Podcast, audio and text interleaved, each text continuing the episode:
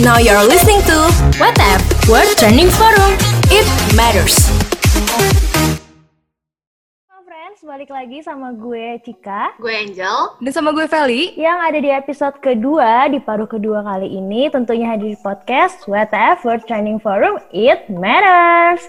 Nah, Angel, Feli, hari ini gue mau menceritakan kisah gue setelah anak ambis nih satu minggu kuliah. Kan tugas-tugas gue udah pada kelar semua nih. Meskipun tugasnya dari hari Senin sampai Jumat itu ada semua, tapi nggak apa-apa. Gue gue kerjain dan akhirnya Sabtu kemarin itu beres. Sampai-sampai di hari Minggu gue membuka YouTube dan menemukan video video Apa tuh video apa nih, Cik? lumayan panjang dan kayak ih tuh banget nih ada film pendek masuk recommendation gue gue kan penasaran nih pas gue klik oh my god gue langsung ter oh ya, terpesona dengan nyinyirannya Butejo tahu nggak tuh Angel? Tahu nih, kalau udah sebut-sebut nama Butejo, gue udah langsung keinget sama film pendek yang satu ini nih, yang udah jadi trending di mana-mana ya, Cik. Betul. Dan dia juga apa ya? Tokoh Butejo ini membuat film tersebut jadi melesat dengan nyinyiran dan gue jadi pengen les nyinyir malahan ke dia. Gak perlu, ya. Cik. Lu kan udah, udah julid, jadi nggak perlu les lagi, udah masternya gitu. Gak perlu, Tapi kayak kayak kurang gitu loh, masih kalah gue sama tetangga-tetangga gue soalnya. Jadi kayak harus tetep les gitu. Nah tapi ini dibalik nyinyirannya nih, Angel, Vel, gue tuh tetap seneng banget karena Indonesia berhasil mengeluarkan film pendek yang dia tuh punya ceritanya deket sama kehidupan kita sehari-hari, tapi moralnya tuh tinggi banget. Gue langsung kayak oh my god. Dan bahkan ada tugas yang harus mereview film itu gitu. Karena saking tinggi itu moral gitu. Tapi Ultima Fresh belum tahu nih judulnya apa sih, Cik, yang dari tadi kita bicarain film pendeknya. Oh iya, mungkin ada beberapa Ultima Friends yang belum tahu ya. Judulnya itu adalah Tilik atau dalam Indonesianya menengok. Menengok Menjenguk ibu ya? Iya, menjenguk ibu lurah. Nah, kalau lu Angel, udah nonton belum? Gue udah nonton dan gue sempet baca komentar-komentarnya yang ada di YouTube. Ini gue ambil dari salah satu netizen, ada yang namanya Citra Kezia. Dia ngomong kalau kisah filmnya ini tuh sederhana tapi nyata dan tanpa disadari itu terkadang terjadi di sekitar kita. Kayak yang tadi lu udah bilang ya Cik, kayak itu eh, ceritanya mendekat di kita, terjadi di sekitar kita dan juga dia bilang pengemasannya itu sangat baik dan real apa adanya. Jadi dia kayak mengapresiasi film Tilik ini di kolom komentarnya itu. Wow, sangat bijak ya komentarnya ya. Beda Mm-mm. sama gue yang kayak cuman good gitu doang komentarnya kalau di YouTube tuh kayak. Gak bisa komentar apa-apa ya, cuma bisa ya bagus gitu ya. Iya, pokoknya good aja udah pokoknya. Nah, Nah, karena mm, karena Angel sama Cika kurang ngerti ya soal film-film kayak gini nih, kita Nah, itu. mendatangkan, kita mau nanya pendapat ke orang ketiga nih, sudut pandang orang ketiga. bukan orang ketiga ya, tolong. Mm-mm, bukan orang Ketiga ketiga, biasa setan sih. iya biasa setan ya, yang tengah-tengah kita biasanya itu ya. Iya. Mungkin orang ketiga itu selingkuhan. Aduh, muncul dia. Aduh, maaf. kan muncul, emang orang Muncul dia. munculnya tiba-tiba gitu. Gak bisa kalau kayak gini.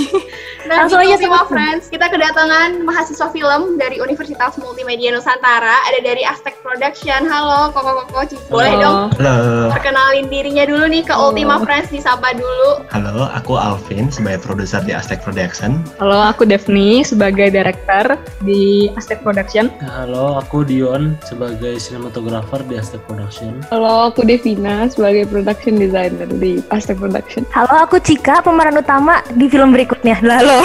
Halo, aku Gak Angel usah. juga yang jadi bantuan tuh juga nggak apa-apa gitu ya di film yang Gak berikutnya. usah. Gak usah menjilat, tolong. Eh, Tolong. aduh. Siapa tahu ya, siapa tahu Iya, dihubungin ya. Iya kali, boleh. Abis ini calling-calling gitu tersedia nama aku. Udah malu-maluin aja, oke lanjut aja langsung. Nah, Koko-Koko sama Cici, ini panggilnya apa sih? Koko Cici aja kali ya? Ya boleh. Boleh. Nah, tadi kalau aku sama Cika udah ngebahas-bahas soal film Tilik. Kalau dari Koko dan Cici yang udah menghasilkan beberapa karya juga nih, ada nggak pendapat mengenai film Tilik itu? Boleh nih, mungkin kita mulai dari Alvin dulu kali ya. Boleh, Boleh, Alvin. boleh. Boleh. Oke, film Tilik ya. Itu barusan gua nonton sih beberapa hari eh, ini. Jadi film Tilik itu emang sangat sesuai kata Cia dan Angel sangat relatable sama kehidupan di Indonesia. Eh, Orang-orang ibu-ibu yang seorang se- eh, sering gibah, sering eh, ngomongin orang gitu kan. Lalu eh, juga waktu itu aku ada baca-baca komen juga sedikit di di YouTube kayak ada yang bilang film ini tidak bermoral lah, memberi efek negatif pada penonton, tidak mendidik. Menurut aku eh, mungkin ada eh, buk- film itu menurut aku eh, sangat baik sih menurut aku. Maksudnya itu adalah refleksi dari kehidupan nyata menurut aku, dari kebudayaan kita sendiri. Bukan film itu untuk mendidik, untuk eh, memberikan hal-hal positif saja menurut aku. Nah di film ini eh, juga memberitahu bahwa sesuatu yang positif itu belum tentu benar juga sih menurut aku eh, untuk pesan di balik itu semua. Lalu untuk eksekusinya dari produksi hingga distribusi juga diberikan secara baik sih sebagai untuk film pendek. Dia uh, dis- didistribusikan secara global internasional. Lalu ini produksinya tahun 2018, lalu dimasukkan ke internet dua tahun setelahnya.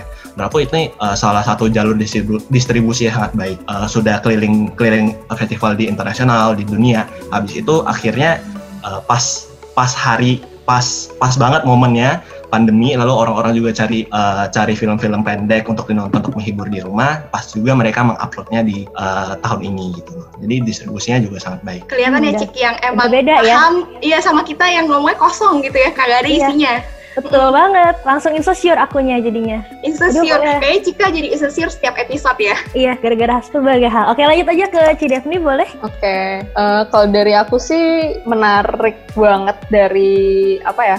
Dari segi apa yang mau diomongin oleh direkturnya sih menurutku. Mungkin dari aku sendiri dari segi directing itu ya aku bisa ngerasa kayak mereka mengambil hal-hal yang hits di tahun kita tahun 2018 itu sih. Kayak ada adegan yang ada polisi nilang terus ibu-ibunya yang lebih heboh dibanding polisinya itu. Kayak ya kita juga tahu lah itu berita-berita yang tersebar dan itu yang dijadikan inspirasi menurutku oke banget. Cuman eh, karena ini platformnya masuk ke YouTube aku jadi agak bingung gitu kenapa bagi orang awam ya mungkin yang sering dipikirkan adalah aduh ini moral lessonnya apa ya makanya agak kontroversial dan ini cukup eh, berbahaya sih menurutku dan ya jadi kontroversial itu sih terutama Karena pas endingnya interpretasi dari setiap orang bisa beda-beda ya setelah nonton film Tilik ini mungkin ya. Iya pasti pas ada yang ngelihatnya netizen yang nggak suka ya nggak suka kalau yang suka ya suka.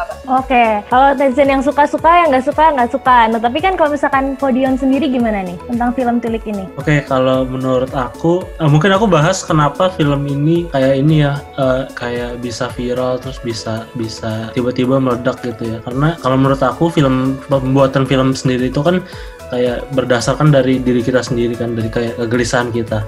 Nah dan nggak usah cari yang cerita-cerita yang jauh dari kita, tapi yang deket-deket aja justru itu bisa bikin penonton kayak wah ini kita banget nih, oh ini, hmm, oh ini ternyata ada di sekitar kita banget. Tapi mak- maksudnya kita nggak pernah bisa sadarin itu ada. Nah pas film ini muncul, baru kayak mungkin orang yang aku tangkap orang-orang baru pada sadar, oh iya ternyata orang Indonesia tuh kayak gini ya maksudnya banyak dari kita yang nggak sadar ternyata ya ibu-ibunya kalau misalnya lagi ngumpul ya ngomongin orang kayak misalnya si Ibu Tejo itu sendiri terus tentang internet yang gi- gimana kita bisa cepat banget percaya sama info-info di internet. Nah kalau menurut aku itu filmmakernya sendiri tuh pinter banget untuk bisa mengeksekusi cerita yang sebenarnya sederhana dari sekitar kita itu bisa dieksekusi jadi sesuatu yang luar biasa keren sih menurut aku itu sih pendapat dari aku Bener banget nih, Mm-mm, sama kayak yang Cika bilang yang kayak ibu-ibu ngegibah dan sebagainya itu yang dekat banget sama kita ya Cik. Kayak lu kayak tadi- Betul. dari tadi tuh terpanggil banget jiwanya ya. Itu gua banget, itu gua banget gitu ya yang di film Iya. terwakilkan. Iya, tapi yang jadi orang baik ya, mohon maaf ya, Angel ya. Enggak Cik, lu kan mewakili Ibu Tejo yang sesungguhnya di dunia nyata gitu ya. Kalau itu kan di film. Mohon maaf ini ada bintang tamu, jangan dibuka dulu kartunya, Oke, malu oke. ini gue. Baik-baik dulu ya Cik, ntar di akhir-akhir gua buka-buka yang ini ya. Ya itu mah boleh Nah kalau dari Cidevina gimana nih Cik? Kalau dari aku jujur pas nonton kesel ya. Kenapa tuh? Kenapa tuh? Kenapa bisa kesel nih? Deketan banget gitu gak sih nontonnya? Itu mulut orang-orang kalau bisa dicabein, dicabein dah. Galak ya, Cidevina ya, agak takut, agak takut, agak takut. Aku merasa keren sih melihat secara filmmakingnya gitu ya. Kalau misalnya kita ngelihat literalnya aja mungkin ya udah kita kesel-kesel aja. Tapi kalau misalnya tadi sempat kepikir oh ya aku kesel berarti berhasil nih filmnya untuk menyampaikan pesan-pesan yang mau disampaikan. Dan benar juga kayak yang tadi Dion bilang ini tuh deket di kita dan emang ada di sekitar kita emang di Indonesia kayak gini yang kalian sempat bilang kayak gitu juga. Dan agak hopeless juga ya, kayak aduh realita yang terjadi kayak gini nih. Dan mungkin ini bisa jadi tamparan juga buat orang-orang kalau kita suka lakukan. Dan kalau misalnya kita kesel mungkin itu juga yang harus kita ubah dari diri kita mungkin gitu ya Hmm, mantep ya. Emang Bijak. beda banget ya sudut pandang sudut pandang eh, orang-orang yang emang berkecimpung di dunia film meskipun menjadi mahasiswa tetap beda sama kita yang udah beda jurusan nih. Hmm, bener banget. Lu kan minggu lalu jadi anak DKV, minggu ini nggak mau Iya. jadi pindah ke anak film. Aduh jangan deh aku udah semester 3 jurnalistik kakak nggak kuat ngulangnya capek. Udah nih, pokoknya kalau gue kan maksudnya milih jurnalistik karena emang suka ini kan suka menulis nih. Mungkin kalau Koko Cici di sini belum tahu, aku tuh suka banget nulis. Boleh banget dicek ya itu ada beberapa artikel. Iya, malah promosi diri. Mohon maaf. Promosi. Terus, promosi terus. Aduh, aduh, Felinya udah mulai keluar nih takut nih. Oke, oke, oke. Mohon maaf, Bu Feli ini dilanjut Bercanda, nih. bercanda. Kalau Iya. Cika suka nulis, kenapa gue milih manajemen juga karena gue suka cuan. Iya, Dia mau jadi- pilihnya manajemen. Emang sesuai ya. Iya sesuai emang tiap orang tuh sesuai. Nah ini nih yang bikin penasaran. Apakah Cici-Cici dan Koko-Koko di sini gitu ya? Asal usulnya kenapa sih kayak bisa masuk ke dunia film? Terus apakah emang hobi ataukah ada tugas mungkin dan akhirnya terbentuklah si Aztec Production ini? Nah ini penasaran banget ini awal, awal mulanya tuh gimana sih gitu? Boleh dijawab? Jadi awal mula Aztec itu dari tugas sih sebenarnya, tugas di semester 3. Jadi kita emang dari dosennya udah ada penyuluhan untuk mencari kelompok dari semester 2, dua, semester 2 akhir. Jadi kita barengan awalnya kita bertuju. Bertuju, kita buat Aztec, kita buat dua film pertama kami di semester 3 gitu. Judulnya Pacarku Bukan Pacarku Lagi sama Mucin itu dua itu pertama kalinya. Habis itu beberapa uh, beberapa semester akhirnya ada beberapa yang mau pindah pindah pindah PH untuk uh, coba sama kelompok baru habis itu ending ini sisa kita berempat untuk sampai di semester 7 ini Nah, ada nggak sih dari karya-karya yang udah dibuat sama Aztec yang paling memorable atau paling challenging gitu proses pembuatannya film apa sih? kalau Langsung pada dari- ketawa-ketawa nih, kenapa nih ya Iya, iya, ya? ada apa Kayaknya ini? langsung keinget ada sesuatu nih nih. berarti. Kalau dari aku sendiri yang paling challenging sebagai produser itu produksi film terakhir kami, judulnya Dan Pulang. Untuk yang yang udah jadi ya, itu Dan Pulang. Itu filmnya ceritain tentang eh, seorang wanita ingin eh, memberikan kabar pernikahannya kepada teman wanitanya dengan mengajak dia berkencan pada malam terakhir mereka bersama. Itu kira-kira sinopsisnya seperti itu. Itu kenapa challenging karena pertama kalinya aku lokasi aku syuting dua hari hanya dengan eh, dua hari empat lokasi gitu loh itu pas untuk sisi produksi ya itu sangat susah untuk dilaksanakan karena ada perpindahan-perpindahan empat lokasi yang berjauhan ini habis itu juga itu eh, kami juga eh, dapat artis profesional namanya Sulfa Maharani sering bermain di film bebas eh film- bermain di film panjang salah satunya bebas Eh, lalu pernah main di Milia juga sebagai pemeran pendamping. Itu susahnya karena ini pertama kalinya sih aku mengurus cast profesional. Tuh challenging dari aku. Wow. Kalau ini tadi produksinya dua hari empat lokasi. Kalau Cika dari kamar ke kamar mandi aja udah dua hari ya Cik ya? Udah kayak Iya, mager gitu mau Butuh jalan. niat yang sangat besar nih Jal. Aduh Jal, ini malu Jal dibuka-buka di sini malu. Jangan Iya, buka iya, dulu dong. Maaf Cik, gue suka keceplosan nih Ultima Friends kalau soal Cika tuh nggak bisa direm soalnya. Nah kalau dari Ini Ko kan. Alvin itu tadi film dan pulang. Kalau dari Kodion mungkin film apa yang paling memorable yang udah dibuat bareng sama Aztec? mungkin yang paling challenging bagi aku sendiri mungkin waktu itu film kedua kita produksi sama-sama itu Mucin judulnya. Jadi backstory dulu. Jadi sebelumnya sebelum kita buat Mucin itu kita baru ketemu kelompok. Habis itu kita film pertama yang kita buat itu yang pacarku bukan pacarku lagi itu. Yang dari judulnya udah kayak tahu kan kayak agak sinetron sinetron gitu. Nah emang kita tuh produksi pacarku pacar bukan pacarku lagi itu treatmentnya emang kayak lebih mudah. Emang dilihat bukan kayak filmis banget tapi kayak sinetron sinetron kita di TV nah tiba-tiba project kedua kita kita mau eksekusi film horor itu. Nah dari segi treatment dari segi konsep pasti beda banget kan dari project pertama kita. Jadi itu menurut aku lebih agak sedikit kaget tapi ternyata bisa dieksekusi dengan baik. Terus hasilnya kita semua juga suka Film Mucin berarti ya. Iya. Kalau lu sendiri udah nonton belum Cik film Mucinnya dari Aztec nih? Aku cuman berani nonton trailernya. Serem kakak. Emang jiwa-jiwa anak PTF itu kagak ada yang berani ya Cika ya? Iya, gini aja jago di kandang aja lah takut soalnya. Kayak baru ngeliat itu ada orang gitu di dalam kamar gelap-gelapan duduk terus dia kayak muka ketakutan tuh kayak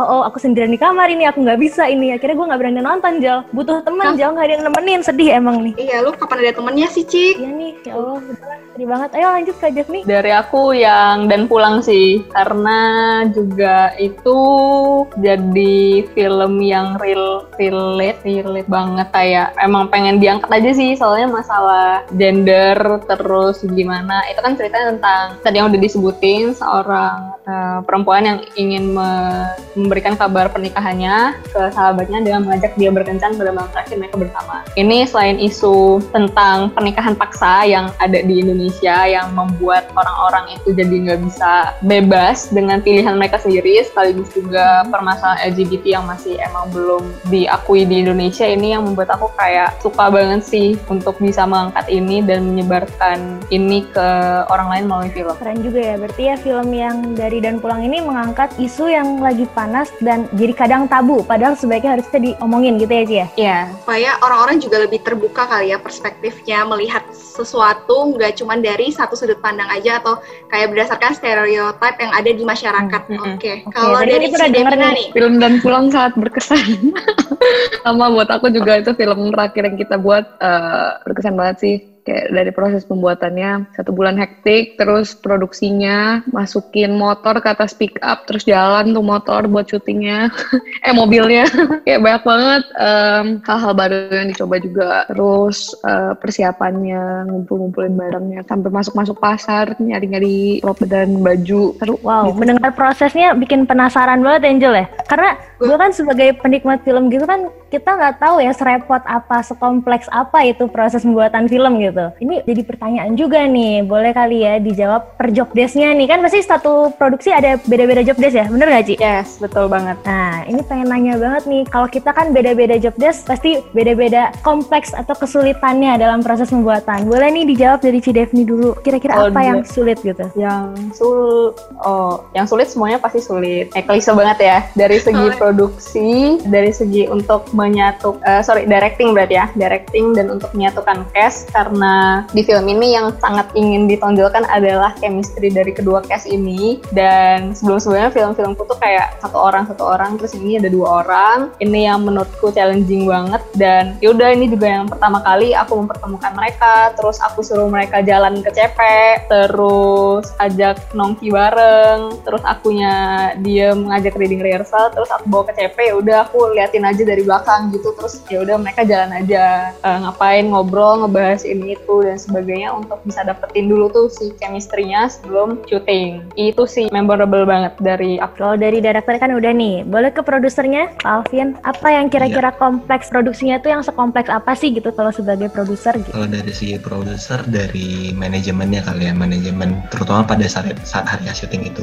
Kayak tadi aku udah bilang itu di bagian flow perpindahan, flow perpindahan transportasi. Itu kan kita ada totalnya ada 23 kru kalau nggak salah ya pas syuting. Jadi eh, dari lokasi A ke lokasi B itu perpindahan itu paling sulit menurut aku. Apalagi kalau misalnya pas banget di jam-jam macet tidak sesuai dengan jadwal. Kalau misalnya kita undur, otomatis eh, semua budget bakal naik. Misalnya eh, dari rental, kalau misalnya kita sampai lewatin jamnya, kita bakal kena cas lagi satu hari gitu loh. Kayak ya challenging banget sih menurut aku pas perpindahan harus pas onset kita udah sebelumnya kita udah atur gimana eh, perpindahannya harus seperti apa. Tapi pas onset pasti ada sedikit perubahan atau sedikit kendala. Itu yang menurut aku challenging banget sih. Soalnya kan di film-film aku sebelumnya eh, biasanya hanya ada di lokasi satu lokasi doang. Tapi di, di film dan pulang ini eh, langsung empat lokasi gitu loh. Jadi kayak benar-benar eh, hal baru lah yang aku pelajari gitu. tapi untuk film pembuatan dan pulang kemarin ini kok apakah berjalan dengan lancar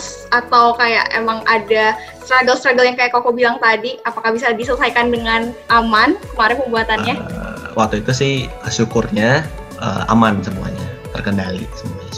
Walaupun ada masalah, tapi beres. Masalah. Syukurnya ya Cik ya. Hmm. Syukurnya Aman aja, semuanya. Aman. Nah kalau itu tadi udah dari perspektifnya director dan produser. Sekarang kita ke Kodion ya sebagai sinematografernya. Oke, kalau dari aku mungkin eh, lebih ke gimana kita ngekonsepin look dari film. Kalau sinematografer kan tugasnya dia ngerekam gambar kan, dan dia juga ngeciptain visualnya. Nah, gimana ngob- ngobrol sama director juga buat gimana sinematografer ini memvisualisasiin visi dari direkturnya sendiri. Nah, di sini dap direkturnya gimana aku gimana bisa ciptain dari skrip itu yang udah dap buat juga yang dap mau juga untuk ke sampai ke gambar. Terus gimana juga nyesuaiin budget kali ya karena di film dan pulang ini kita agak banyak scene kayak tadi dibilang Alvin ada banyak scene terus abis itu ada scene-scene outdoor juga yang di yang kita butuh source banyak kayak lampu gitu-gitu nah dengan budget yang minim gimana caranya juga bisa kayak berpikir memutar otak gimana dengan budget minim ini bisa ngasilin visual yang dimauin oleh kita semua gitu sih Meskipun dengan budget yang minim, tapi hasilnya luar biasa banget ya Angel ya. Bener banget, karena Dan Pulang ini juga eh, baru-baru ini mendapatkan nominasi di Seoul International Extreme Short Image dan Film Festival ya. Bener gak, Koci? Untuk lo yang ngomong Jel, kalau gue mah pasti belepotan itu Inggrisnya udah nyerah gue. Iya, rada panjang gue juga rada baca dulu ke bawah gitu kan, kayak panjang gitu namanya. Gue apalin dari semalam gak hafal-hafal sama gue.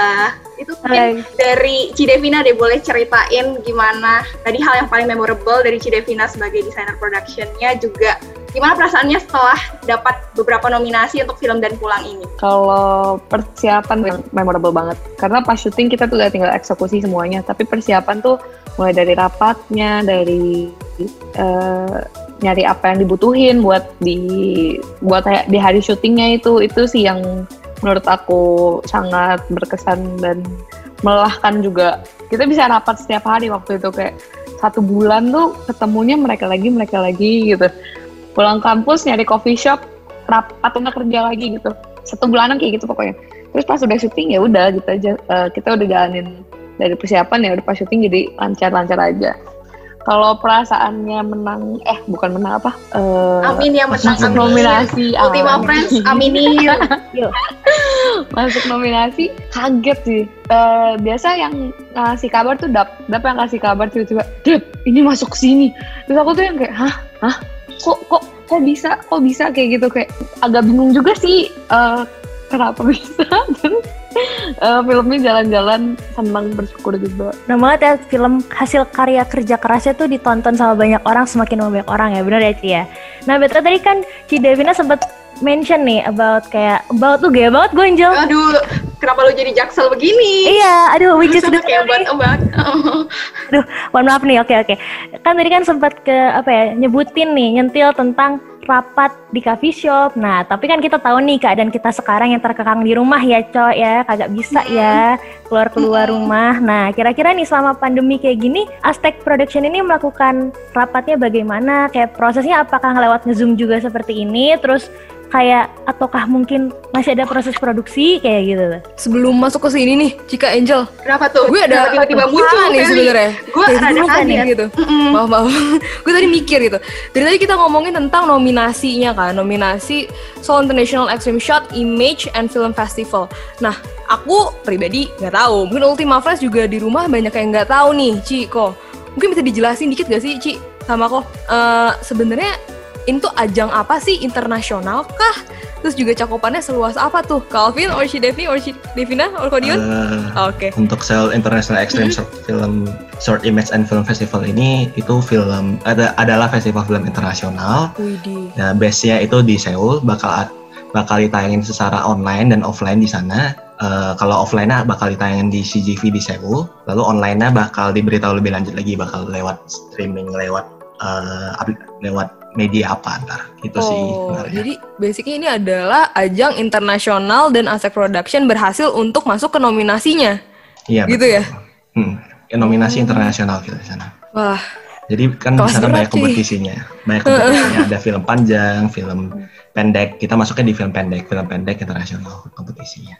Berarti Kelas jadi berat, perwakilan ternyata. dari Indonesia ya kok ya? Kebetulan juga untuk uh, beberapa bulan lagi bakal bakal ada ditayang di Shanghai juga Shanghai Pride Film Festival di Queer Strain Film Festival di Jerman sama ada di Queer Film Festival Playa del Carmen di Meksiko. Wow. banyak ya. Iya, filmnya jalan-jalan jalan-jalannya lebih jauh daripada gue nih. Pengalaman gue belum sampai sana nih, belum pernah sampai ke sana-sana. Tapi filmnya udah duluan sampai sana ya. Nah mungkin tadi nih pertanyaannya Cika yang balik lagi ke kita yang sekarang ini di, pan di era pandemi ini, mungkin dari aspek production mengalami masa sulit juga nggak sih karena pandemi ini dan proses produksinya apakah jadi berhenti atau jadi masih rapat-rapat online atau gimana nih? Hmm, jadi untuk uh, project kami di tahun ini sebenarnya ada satu sih sekalian jadi tugas akhir TA Kamis sebagai acuan skripsi juga itu judulnya Happy New Year.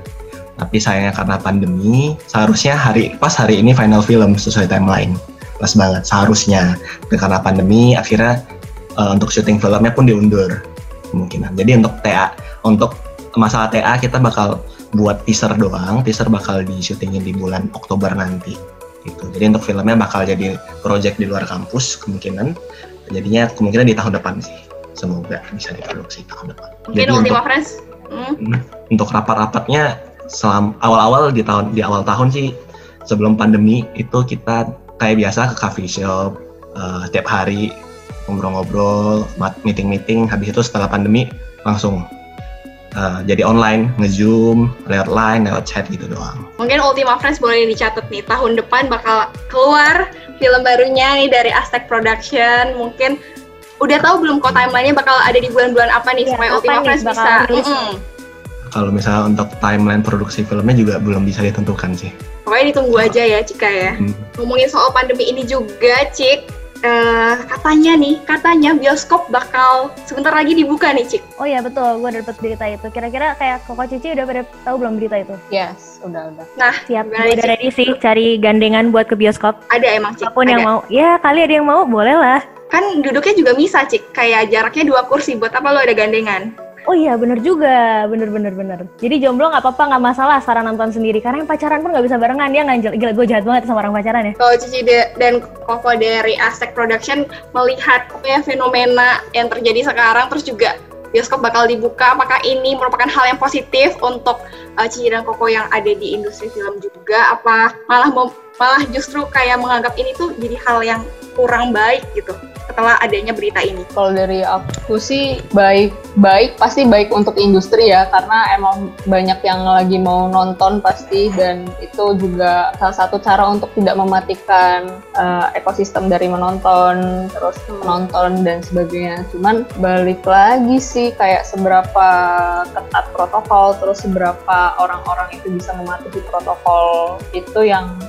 harus banget dijaga karena juga katanya berita baru-baru ini ada mutasi dari COVID yang lebih ganas ada di Indonesia. Itu aku nggak tahu sih apakah akan berpengaruh lagi nih terhadap pembukaan bioskop dan berbagai sektor lainnya. Cuman kalau dari aku sendiri, personally, kayaknya nggak bakal mau nonton sih kalau bioskop buka karena diri aku takut banget guys. Bener Gitu. banget nih. Kalau Cika udah siap-siapin gandengan, walaupun nggak ada, ya Cik ada lagi nih mutasi-mutasi itu ya katanya Cika. Jadi makin nggak diizinin mungkin Cika untuk keluar Ya rumah. mungkin mungkin kata Tuhan juga mungkin belum saatnya kamu mendapatkan pasangan jika sedih banget emang udahlah ya kita habiskan tahun 2020 ini sendiri dulu nggak apa-apa oke apa-apa. sebenarnya ngebahas bioskop yang baru buka gitu ya. Bioskop itu kan dibuka karena dibalik itu kita sebagai masyarakat udah pada haus akan hiburan gitu. Salah satunya nonton film itu kira-kira nih. Ya kan namanya juga makhluk-makhluk haus akan hiburan. Selalu mencari celah ya kalau misalkan bioskop ditutup. Kadang juga kan suka nonton nih lew- le- lewat kayak platform-platform yang ada juga yang legal, ada yang ilegal. Nah, menurut anak-anak atau mahasiswa yang berkecimpung nih di jurusan film gitu, tentang platform-platform film yang ilegal itu kayak gimana sih? Menurut aku sih yang platform ilegal itu kalau dengar-dengar dari kan aku juga belum berkecimpung di industri film juga. Tapi dari dengar-dengar itu sangat merugikan, merugikan industri karena itu eh, juga adalah bentuk pembajakan sih menurut aku. Karena kita menonton secara ilegal, eh, mereka membuat film yang sudah susah payah dengan biaya produksi. Kalau misalnya film panjang itu pasti sampai ber-MM ya. Biaya produksi sampai segitu, mereka eh, mendapat tidak mendapat income apa pun menurut aku itu uh, kerugian sih kalau misalnya da- bisa dibajak kalau nonton secara bebas. Dan itu juga kan kita sekarang juga di zaman sekarang ini udah ada namanya platform Netflix yang lebih legal atau enggak. Uh, Go Studio juga gampang kan caranya hanya berapa puluh ribu doang. Itu juga udah lumayan loh. Kalau misalnya kita hanya bayar misalnya di Netflix akun paling murah 50.000 ribu itu udah lumayan untuk para, para filmmaker gitu daripada kita nonton secara ilegal di website-website. Jadi kita sebagai penikmat film pun mengapresiasi kerja keras ya orang-orang di belakang layar yang udah ber- berkarya membuat film-film dan jangan sampai juga nih Ultima Friends uh, menggunakan situs-situs ilegal yang kayak tadi Cika udah bilang ya. Aku langsung ngomongin maaf ini, soalnya aku juga sering nonton gitu dari situ, berarti itu kurang menghargai. Mm, gitu ya. marahin aja Ciko, nggak apa-apa. Marahin Cika, orang tobat. Bener banget. Nah mungkin em, terakhir nih ada nggak sih pesan-pesan untuk Ultima Friends yang mau mulai masuk ke dalam dunia film atau mau jadi mahasiswa film mungkin ada nggak pesan-pesan dari Cici Cici dan Koko Koko? Mungkin Boleh dari nih? Alvin dulu. Oke, Jadi boleh dari Ko Alvin nih. mungkin aku lebih pesan untuk angkatan baru kali ya maba-maba maba-maba yang angkatan 2020 ini Eh, siap-siap aja sih untuk dunia film kayak ya jaga attitude jaga skill eh, ini skill sama ke- sama knowledge ini kita bisa asah bersama. Tapi menurut aku attitude itu nomor satu sih. Jaga attitude jangan aneh-aneh lah pokoknya di dunia di industri film. Soalnya kalau kita misalnya masuk industri, industri film industri film itu menurut aku di Indonesia itu kecil banget. Orang-orangnya itu itu aja. Kalau misalnya eh, lu yang attitude-nya jelek lalu jadi bahan omongan ya next time lu gak bakal dipanggil lagi sama mereka. Menurut aku sih gitu. Oke, berarti kayak jaga attitude, skill, dan knowledge itu bisa kita asah. Soalnya kan kita punya attitude dan manner yang baik dulu ya, kok. Ya betul. Oke, Kak, mungkin dari Cidef nih boleh nih pesannya untuk teman-teman yang baru mau memulai di dunia film. Kalau dari aku sih eh, kalau udah milih untuk di film ya semoga itu emang pilihan terbaik dan emang dari hati sih. Ketika udah milih di film lakukanlah semua itu eh, dengan hati dan berkaryalah sebaik mungkin. Karena ketika udah ada kesempatannya jangan sampai kesempatan itu disia-siakan. Entah itu karena apa pun sih nggak ada alasan. Karena ya balik lagi ketika udah di film ya in- ya akan sangat sulit sih untuk bisa mengembalikan image. Tadi yang kayak Alvin bilang terus percuma sih. Maksudnya kalau di film kan ini seni ya. Jadi emang seni itu kalau bisa sebaiknya dimanfaatkan waktunya untuk fokus berkarya. Oke, jadi kalau menurut Dev nih eh, pesannya itu kalau udah ada hati di film lebih baik jaga. Sama kayak Alvin ya kurang lebih ya. Karena tadi gue juga baru tahu nih kalau misalkan ternyata dunia film itu lingkupnya segitu jadi harus menjaga itu tuh jaga banget. Hmm, Nah mungkin boleh nih Kodion pesan-pesan untuk teman-teman di luar sana yang akan terjun ataupun terjun ke dunia perfilman di tengah pandemi kayak gini. Kalau menurut aku sama sih kayak itu kayak ngerangkum dari Devni sama Alvin aja. Jadi ya bener sih karena kita kerja di dalam kelompok juga orangnya banyak kan kalau produksi nggak mungkin kita kerja bisa sendiri untuk ngehandle semua. Jadi emang attitude sama sikap itu emang penting sih di sini karena bener kata Alvin kalau yang lainnya skill itu bisa diasah seiring perjalanan waktu. Tapi kalau sikap emang udah dinilai jelek dari awal, orang udah ngejauh duluan gitu maksudnya. Mungkin bisa diperbaiki tapi mungkin image-nya dari awal udah buruk duluan.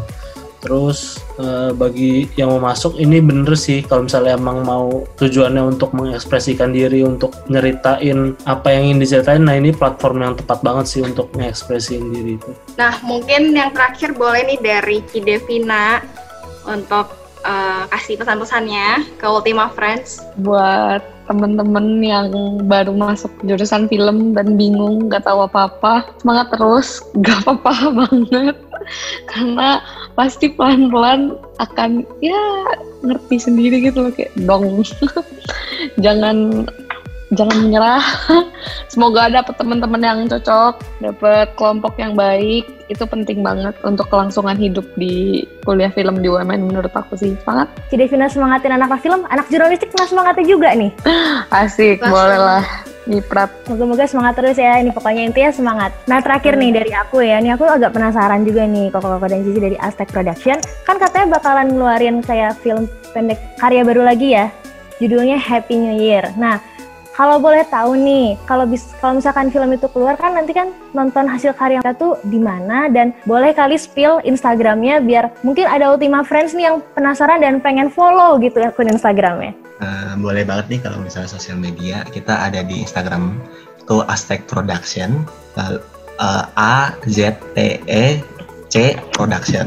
Habis itu untuk project terbaru kita kita juga punya Instagramnya itu film Happy New Year. Itu sih. Lalu untuk eh, rilisnya mungkin untuk platform online itu kemungkinan di tahun depannya lagi. Tahun kalau misalnya produksinya 2021 mungkin itu di 2022 dan itu kemungkinan aku bakal distribusikan ke Fitsi. Fitsi itu platform yang base-nya ini Singa- di Singapura. Film-film masuk itu diseleksi di sana dan gak bisa sembarangan kayak di YouTube. Kalau di YouTube kan tinggal upload doang. Kalau ini yang diseleksi baru bisa masuk di platform Fitsi ini. Hmm, berarti sama Si platformnya kayak film-film pendek sebelumnya ya kok ya? Iya betul di Fitsi Oke, juga. oke. Nah, Ultima Friends boleh banget dicatat tadi ya akun Instagramnya dan boleh dikepoin dan di support juga karya-karya anak bangsa Indonesia ya karya-karya film dari anak bangsa. Thank you banget untuk Cici dan Koko dari Asik Production udah mampir nih ke WTF dan ngobrol-ngobrol sama aku dan Cika. Thank you banget Thank you untuk banget ya kok. si Devni, Thank you juga ya udah Devina, Kodio dan Ko Alvin. Nah, jadi Cik untuk yang terakhir gue bakal nutup seperti biasa pakai satu kalimat bijak dari gue nih Cik. Nih, apa nih? Jadi untuk Ultima Friends, pesan dari episode WTF hari ini, berkaryalah dengan rasa, maka tak akan pernah kehilangan asa. Cakep. Bukan dari pantun, pantun. Cika. Oh ya, bukan pantun Bikin marah. ya.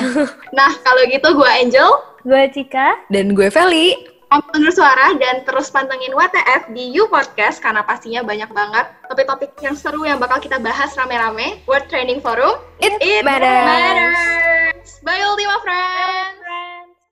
Now you're listening to WTF World Trending Forum. It matters.